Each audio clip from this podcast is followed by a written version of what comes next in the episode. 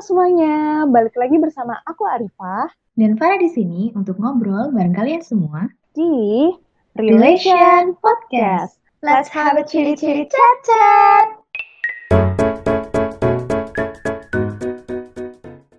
Halo semuanya, selamat datang di Relation Podcast episode keempat. Hari ini kalian bakal ditemenin dengan aku Farah dan Arifah.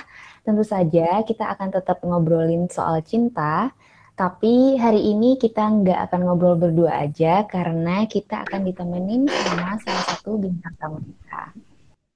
Yes, bintang tamu kita itu Mbak Keke. Hai Mbak Keke, apa kabar? Hai Arifah, hai Farah. Gimana Mbak kabarnya? Eh, uh, mencoba bertahan di tengah pandemi. Wah. Sinetron banget kayak. Lagi masa boleh emang. Boleh perkenalan dulu dong. Iya, hai semuanya. Nama saya Anike, tapi biasanya disebutnya Keke aja, dipanggilnya Keke. Uh, saya adalah salah satu staf lem, uh, organisasi humanitarian di Indonesia, di Save the Children Indonesia, dan pekerjaan saya uh, berfokus untuk bagian monitoring evaluasi di salah satu proyek kami yang didedikasikan untuk anak-anak muda di Indonesia. Oke. Okay. Nah, setahu aku nih Mbak Keke ini emang kerjaannya itu uh, kan NGO gitu guys. Jadi itu emang uh, proyeknya tuh seluruh Indonesia banget gitu. Nah, pastinya dengan proyek yang uh, di seluruh Indonesia itu Mbak Keke ini sering banget dong keluar kota. Ya nggak sih Mbak? Lumayan ya. Jadi kalau kita ngomongin keluar kota itu kita ngomongin sebelum pandemi ya, sebelum uh, mm kalau pandemi sebelum pandemi itu kurang lebih kayak sebulan sekali tuh selalu ada selalu ada keluar kotanya. Jadi aku udah di Save the Children itu sudah tahun ke-6 sekarang dan memang dari dulu sampai sekarang uh, kalau ketika kita bicara tentang lembaga humanitarian itu pasti akan ke lapangan gitu. Jadi ya sebulan sekali durasinya, kadang-kadang sebulan dua kali tergantung di mana kita kerjanya gitu. Nah, itu uh, sekali pergi keluar kota tuh berapa lama sih Mbak biasanya? Aduh, uh, durasinya minimal lima hari kerja kali ya. Uh, tergantung sama lokasinya. Jadi misalnya nih, karena kantorku di di Bandung, jadi kayaknya paling dekat itu ke Surabaya. Surabaya tuh tiga hari bisa, hmm. tapi ketika kita misalnya harus ke luar Jawa, mau nggak mau kan, kayak lima hari itu minimal gitu. Iya, lama banget. BTW Lumayan. guys, Mbak kakak ini udah nikah nggak sih Mbak? Alhamdulillah sudah. Dan sekarang sudah di tahun ke 14 pernikahan. Wow, punya anak berapa Mbak? Satu saja. Umur berapa? Anakku umur tujuh tahun sekarang. Jadi memang um, pasti kemudian ada yang bertanya-tanya, kok nggak langsung uh, apa namanya punya anak gitu ya. Jadi memang salah satu resiko menjalani pekerjaan di lembaga humanitarian. Kebetulan pasanganku juga bekerja di lembaga humanitarian juga, tapi di organisasi yang berbeda. Kita sama-sama sama-sama sering apa namanya uh, sering mobilisasi gitu loh. Jadi sama-sama sering keluar kota. Jadi kadang dia pulang, aku baru datang. Atau malah nggak ketemu nih terus ban di jalan. Hmm, terus kalau gitu kan berarti kan kalau sama-sama sering keluar kota berarti hmm. jarang ketemu dong. Ya? Iya, kayak LDRan deh. Kayak gimana sih kalau LDRan? Iya, resikonya kayak gitu Hampir gitu ya. LDR. Resikonya kayak gitu memang. Jadi karena uh, sekali lagi ketika menikah kan itu sebuah pilihan ya. Menikah hmm. pilihan dan masing-masing sudah tahu nih kita menikah dengan siapa, kemudian seperti apa nanti yang dihadapi. Jadi udah diomongin duluan dan walaupun tetap pasti ada benturan tapi sudah tahu duluan nih resiko-resikonya seperti apa. Uh, kalau boleh sharing sedikit juga malah di awal pernikahan aku ditinggal dulu nih, ditinggal kebetulan pasanganku sekolah dulu nih, dia sekolah dulu di luar. Jadi memang udah kayak di awal tuh makanya um, di awal tuh kita udah LDRan. Jadi memang kemudian kenapa kami baru berani memutuskan untuk punya anak di tahun ke lima pernikahan kami itu karena ya itu tadi kita masih LDRan masih jauh-jauhan kemudian uh, berusaha untuk mensinergikan apa namanya ya masing-masing gitu loh pikiran masing-masing emosi masing-masing gitu. Jadi kayak dua tahun pertama tiga tahun pertama tuh benar-benar masa pengenalan dan ya ya karena itu karena ditinggal duluan nih. Dia sekolah dia pulang uh, dia pulang dari sekolah kemudian aku yang sekolah. Jadi kan gak nyambung juga ya. Wow. Sesering itu ya mbak berarti LDR-nya dari awal ah, banget. lumayan lumayan kalau LDR gitu biasanya konflik apa sih Mbak yang sering muncul dalam pernikahan kalau boleh ah. tahu? Oke, okay. uh, eh, kayaknya klasik sih, nggak usah ngomongin pernikahan ya. Pacaran atau kita temenan, masalah masalah klasik adalah komunikasi. Jadi memang uh, karena kita tidak melihat secara langsung pasangan kita gitu, atau kita terlalu sibuk dengan dunia kita, kadang-kadang jadinya komunikasinya nih jadi selek. Nah, kebetulan kalau aku karena sudah punya anak, pasti kemudian apa namanya pembicaraan uh, tentang anak itu juga salah satu bisa menjadi pemersatu, tapi kemudian juga bisa jadi uh, pencetus konflik gitu sih. Dua sisi ya. Mm -mm, mm -mm, banget. Jadi konfliknya yang paling sering tuh emang komunikasi ya Mbak? Oh, oh, tetap komunikasi ya. Nomor satu ya.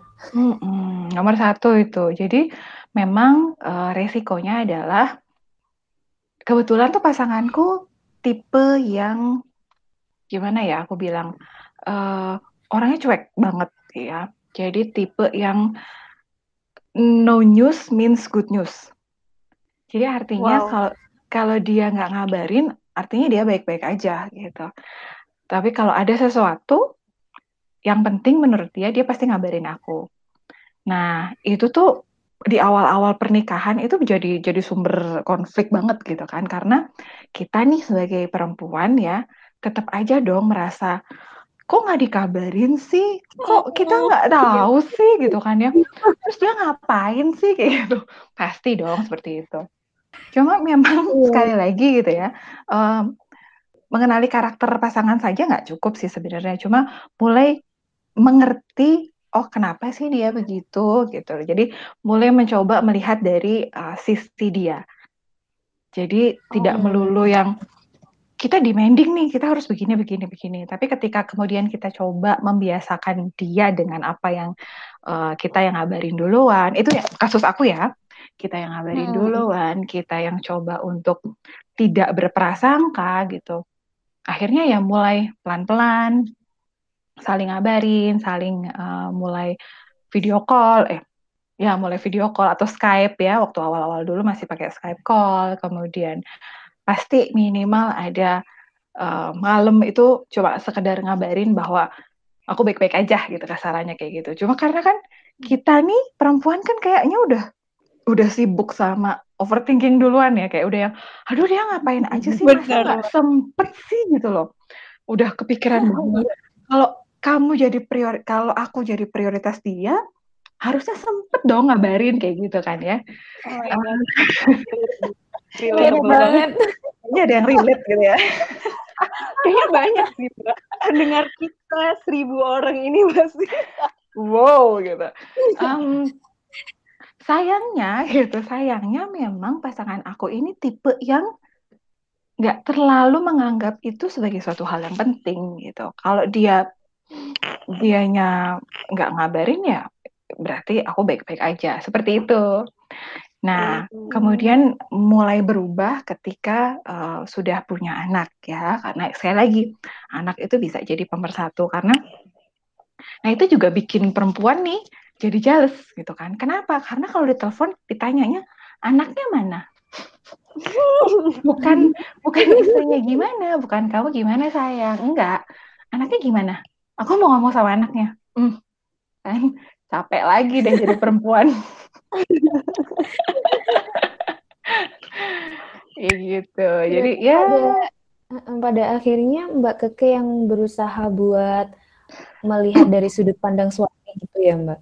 Sebetulnya dua-duanya sih, sebetulnya dua-duanya. Artinya gini, uh, pada suatu ketika juga aku bilang juga sama suamiku bahwa kayaknya bakalan capek nih kalau aku terus yang usaha gitu kan.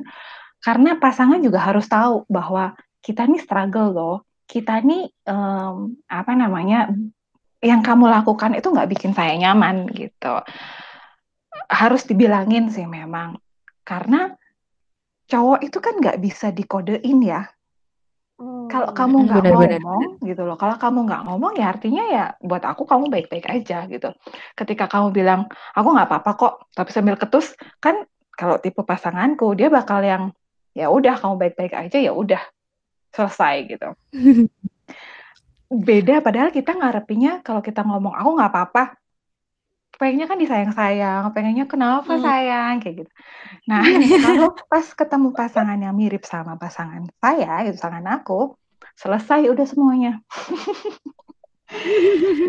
Jadi pada iya, saat iya, itu iya. aku coba untuk ya udah kita harus ngomong nih gitu. Karena kalau aku juga berharap dia tiba-tiba berubah, itu nggak mungkin karena dia tidak tahu apa hmm. yang harus di harus dikompromikan gitu. Jadi hmm. Satu tips buat teman-teman uh, jangan pernah berharap pasanganmu berubah karena yang ada adalah kalian berdua akan belajar saling menerima gitu. Bukan berarti dia berubah, enggak, tapi kemudian masing-masing pihak akan mulai saling menerima, mulai saling uh, apa namanya kayak hafal atau oh ya udah dia begini artinya begini gitu. Itu sih. Jadi ya kalau dibilang berubah ya kita sebenarnya masing-masing dari kita yang sebenarnya berubah gitu sih. Sama-sama berubah Berarti ya, kayak Mbak kompromi gitu ya Mbak lebih tepatnya. Uh, betul. Kompromi kemudian itu membicarakan. berapa tahun tuh Mbak? Um, sebenarnya dari dua tahun pertama tuh udah dibilangin sih dicoba di di, di apa namanya dibicarakan. Itu sekali lagi ketika kita uh, selalu mencoba berkomunikasi dengan baik, kita ngobrol ngobrolin apa sih yang sebenarnya terjadi gitu. Kemudian apa yang bikin kita nyaman dan apa yang bikin dia nyaman jadi sama-sama saling bukannya bilang aku nggak terima kamu kayak gini gitu. Hmm. Itu yang aku hmm. belajar ya karena kayak setahun pertama, dua tahun pertama tuh yang aku yang lebih demanding nih. Aku nggak mau, aku maunya kamu gini. Kamu naruh anduk sembarangan aja bisa jadi uh, apa pertengkaran Bener. seminggu gitu kasarannya. Marriage life banget. kayak gitu. Jadi uh, ya lebih kepada kita coba untuk cari win-win solutionnya aja kayak gimana gitu. Oke, kamu nggak bisa naruh anduk misalnya ya, contoh kecil analoginya. Kamu nggak bisa naruh anduk di jemuran, ya sudah, jangan taruh di tempat baju bersih. Basah semua kasarannya kayak gitu kan. Hmm. Ya udah kamu taruh di sebelah sini. Jadi kita kita eh, apa namanya taruh tempat khusus buat baju basah misalnya di situ. Nah, jadi yang lebih ke kompromi, lebih kemudian uh, mencoba mencari solusi. Tidak mudah, sangat tidak mudah karena kemudian semua orang harus belajar mendengarkan gitu dan itu oh yang yang benar-benar uh, sampai sekarang sampai tahun ini pun masih terus belajar gitu. Tapi sebelum menikah pun emang pola komunikasi suami dan mbak kakak kayak gitu ya? Maksudnya hmm. kayak cuek gitu? Mm-mm, cueknya iya sih gitu memang. Karena aku juga tipe yang tidak suka direcokin gitu ya. Jadi bukan tipe yang seneng ditanya udah makan atau belum, pulang jam berapa, itu kayaknya annoying banget gitu ya. kita udah gede loh, tahu kok kalau jam makan harus makan. Iya, iya untuk beberapa saat mungkin ketika manis-manisnya itu menyenangkan sekali, nggak munafik lah. Siapa sih yang nggak pengen, siapa yang nggak pengen diperhatikan gitu. Tapi lama-lama, lama-lama kayaknya annoying banget orang lagi kerja mhm. serius tiba-tiba saya udah makan belum? Uh, kayaknya belum jam makan. Indomie kan? belum jam makan ngapain ditanya gitu. Ntar kalau makan pasti makan gitu ya. Iya gitu loh. Ngapain sih? Kan kayak akan ada akan ada fase-fase umur kita di saat kita yang uh, halo, ini kita juga nggak nggak aneh-aneh kok, kita nggak main-main kok kasarnya kayak gitu. Hmm, betul betul. Terus uh, berarti selama ini kan LDRan tuh gimana Mbak cara parentingnya? Aduh, uh, PR sih ya. uh, ngomongin parenting itu sekali lagi uh, tetap kompromi dari orang tua ya karena masing-masing dari kita punya gaya yang kita bawa dari masa kecil gitu kan ya. Iya. Jadi contohnya uh, aku dibesarkan sebagai anak tunggal dan uh, suamiku dibesarkan jadi anak uh, sulung gitu kan ya, yang uh, cukup keras sama adik-adiknya dan aku yang cukup keras dengan kemauanku untuk didengar. Nah itu kan kebawa tuh ke anak. Jadi memang uh, salah satu salah satu alasan kenapa kami menunda cukup lama untuk punya anak adalah kita um, harus siap dulu nih gitu. Ketika kita punya anak, anak itu adalah tanggung jawab yang sangat besar. Anak hmm. itu bukan barang yang bisa dititipkan ke orang tua atau gimana. Jadi memang apa yang akan kita perbuat sama anak ini, bagaimana kemudian kita bertanggung jawab sama dia, bertanggung jawab sama Tuhannya, bertanggung jawab sama orang-orang di sekitarnya. Jadi um, banyak hal yang memang dibicarakan dulu sebelum akhirnya kita memutuskan, oke okay, kita punya anak, mau cewek mau cowok, gayanya kita seperti ini dan harus kompak seperti ini. Nah ini sih Mbak, kayak maksudnya kan Mbak sama suami sama-sama sering keluar kota, sama-sama hmm. kerja juga. Hmm. Bahkan uh, orang tua yang sama-sama kerja aja uh, mungkin udah kesulitan gitu untuk ngurusin anak, memenuhi kebutuhannya, kebutuhan secara psikologis, emosi dan lain sebagainya ya. Betul. Apalagi maksudnya um, Mbak Kakak sama suami juga sama-sama uh, kerja di bagian sosial gitu yang mana harus mobile banget gitu. Itu gimana Mbak? Maksudnya komunikasinya kayak gimana? gimana? Iya. Mengempakkan diri sama suami itu gimana? Uh, gimana aku ngejawabnya ya? Soalnya sampai sekarang juga masih belajar untuk kompak sih. uh, jadi memang kebetulan di lembaga kami berdua itu cukup fleksibel ketika kita bicara tentang kepentingan anak.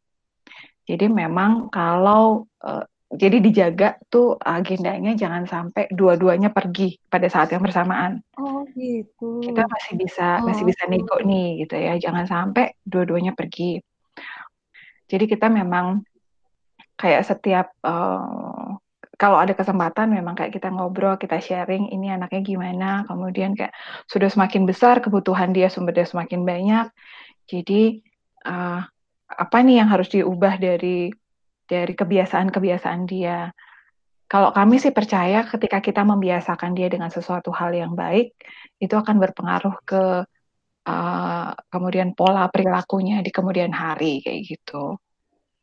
Jadi ya intinya kompak, intinya tetap dikomunikasikan dan konsisten sama anggota keluarga yang lain. Tapi memang peran orang tua kami usahakan, kami selalu usahakan tetap salah satu tuh ada di rumah ketika yang satu uh, harus bepergian kayak gitu. Oh, gitu ya. Berarti tetap koordinasi ya, Mbak. Mm-mm. Hal ini akan sangat berbeda ketika kita bekerja di organisasi yang mungkin mengharuskan uh, uh, stafnya untuk menerima apa pun jadwalnya, gitu ya. Itu akan sangat berbeda. Hmm. Menarik, menarik. Terus Mbak, kalau ini kan berarti maksudnya selama ini ya berusaha untuk tetap menjaga pernikahan sama suami, terus berusaha juga tetap menjaga kekompakan dan koordinasi dalam parenting baik sama suami sama extended family yang soalnya masih ya karena tuntutan pekerjaan masih harus keluar kota beberapa dalam frekuensi waktu tertentu. Tapi pernah nggak sih Mbak kayak ngerasa capek gitu dengan kondisi yang harus keluar kota, harus nitipin anak ke extended family kayak gitu-gitu. Oh, pasti ya, itu kayaknya dilema semua ibu pekerja. Hmm. Tapi sekali lagi memang ketika kita sudah memilih, itu kan kita sudah memperhitungkan resikonya. Jadi uh, life is full of choices. kadang kita nggak punya pilihan memang, cuman kami cukup beruntung untuk uh, bisa mempertimbangkan dulu banyak hal sebelum kemudian kita memutuskan segala sesuatunya gitu. Jadi hmm. kita mau memilih seperti ini karena kita tahu nih resikonya begini dan ya kalau mengeluh pasti mengeluh, kalau capek pasti capek. Tapi itu adalah resiko yang memang sudah kita ketahui sebelumnya gitu. Wah. Dalam banget kayaknya ya. Bijak banget kayaknya. banget, Mbak. Serius deh. Berarti kondisi kayak gini ini tuh sebenarnya sudah masuk dalam pertimbangan Mbak Keke dan suami sebelum punya anak ya Mbak ya? Iya, kurang lebih ya. Maksudnya tidak tidak frekuensinya tidak sesering ini, cuma kemudian memang uh, sudah dibicarakan juga gitu kan. Jadi kayak aku baru mulai bekerja lagi ketika anaknya umur sekian gitu. Wow sekali. Terus Mbak, Emang uh, selama ini sama suami kayak gimana Mbak menjaga keintimannya? Maksudnya kan dari tadi komunikasinya, terus parentingnya -hmm. gitu. Untuk keintimannya. Oke. Okay. Ini pembicaranya sudah uh, malam sih ya, jadi kita boleh ngomongin intim masih ya. Oh boleh dong. um, tidak men, tidak munafik bahwa memang LDR ini cukup berpengaruh dengan uh, intimasi pasangan suami istri terutama. Jadi memang satu memang komunikasi jadi tetap uh, hal penting dan kadang-kadang juga gimana kalau aku bilang ya kalau misalnya kita memang uh, durasi waktu ketemunya lama mau nggak mau beberapa kali kayak uh, texting yang cukup intim atau video call yang cukup intim seperti itu. Jadi kalau begitu pada saat kita pas ketemu bareng, biasanya memang ada yang me time-nya kita. Anaknya terpaksa dititipkan dulu. Pokoknya selalu ada selalu ada waktu entah misalnya cuma sekedar jalan aja, sekedar makan berdua, sekedar apa namanya nonton berdua sebelum pandemi ya. Atau atau ya ke mana aja berdua gitu. Jadi memang kami sangat sadar bahwa jarangnya komunikasi jarangnya intimasi itu akan menjadi peluang uh, apa namanya dari hal-hal yang tidak diharapkan memang. Jadi ya sudah minimal ada selalu ada waktu berdua dulu deh. Tapi mbak uh, hmm. apakah emang benar ya? Maksudnya dengan lamanya pernikahan itu keintiman tuh akan menurun kah?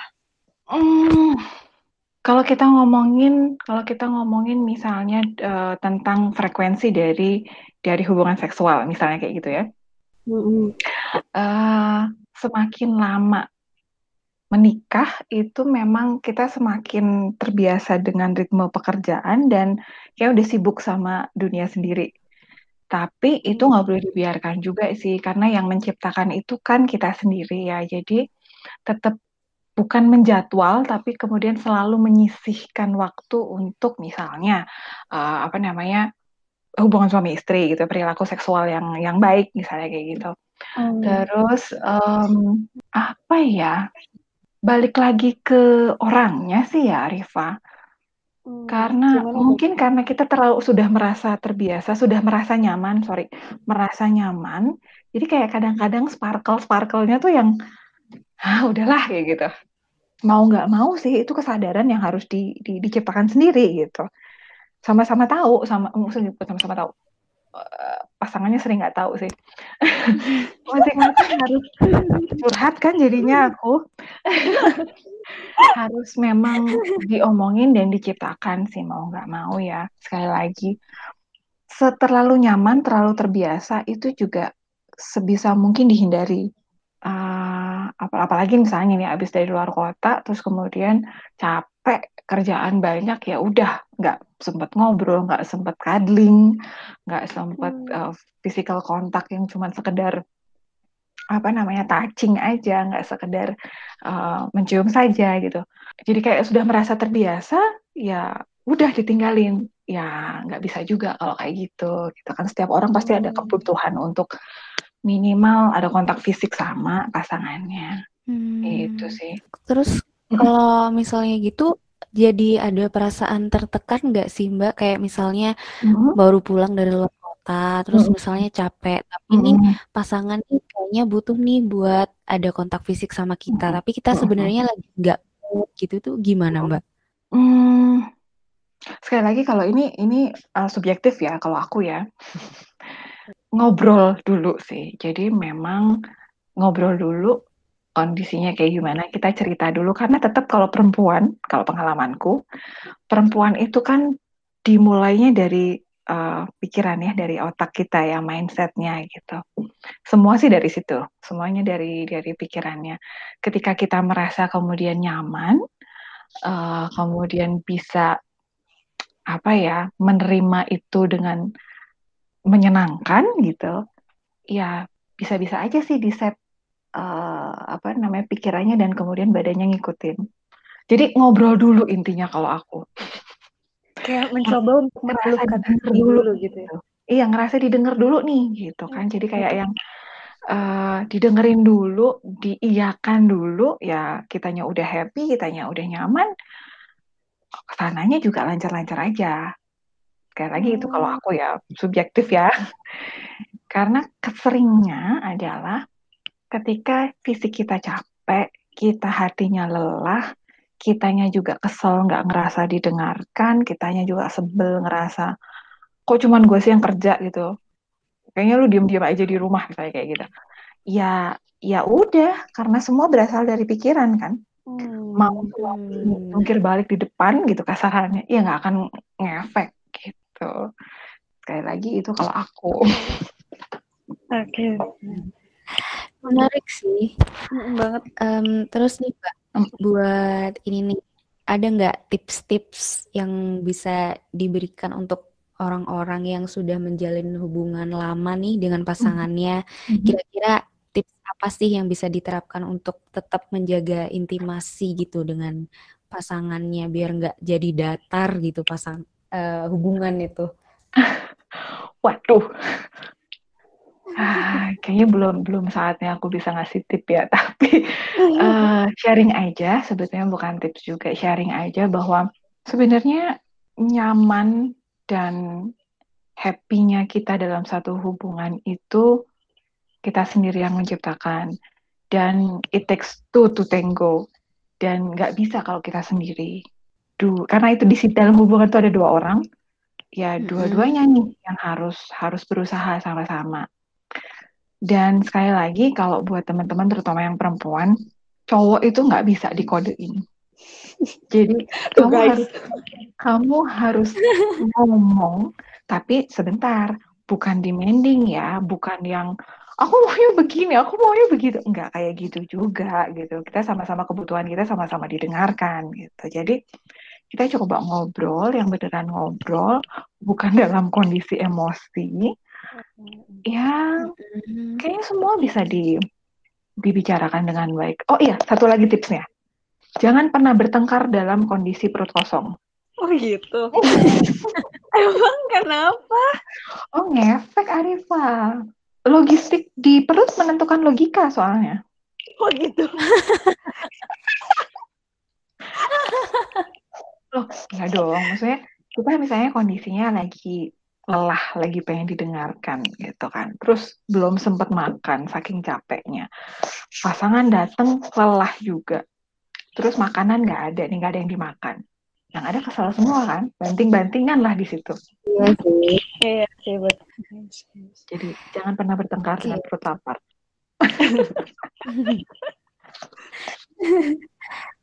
Oke, okay, karena kita udah ngobrol lumayan lama ini tadi, nggak lama juga sih sebenarnya.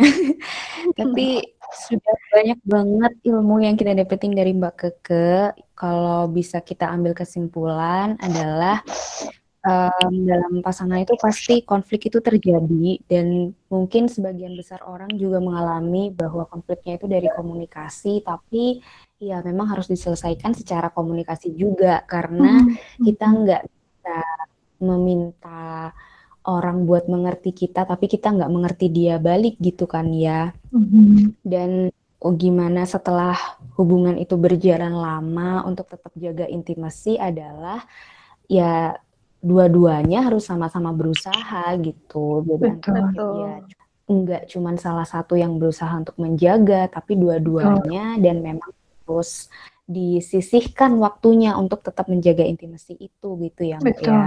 Iya, iya, iya. Dan paling penting jangan berantem saat perut kosong. bener bener bener.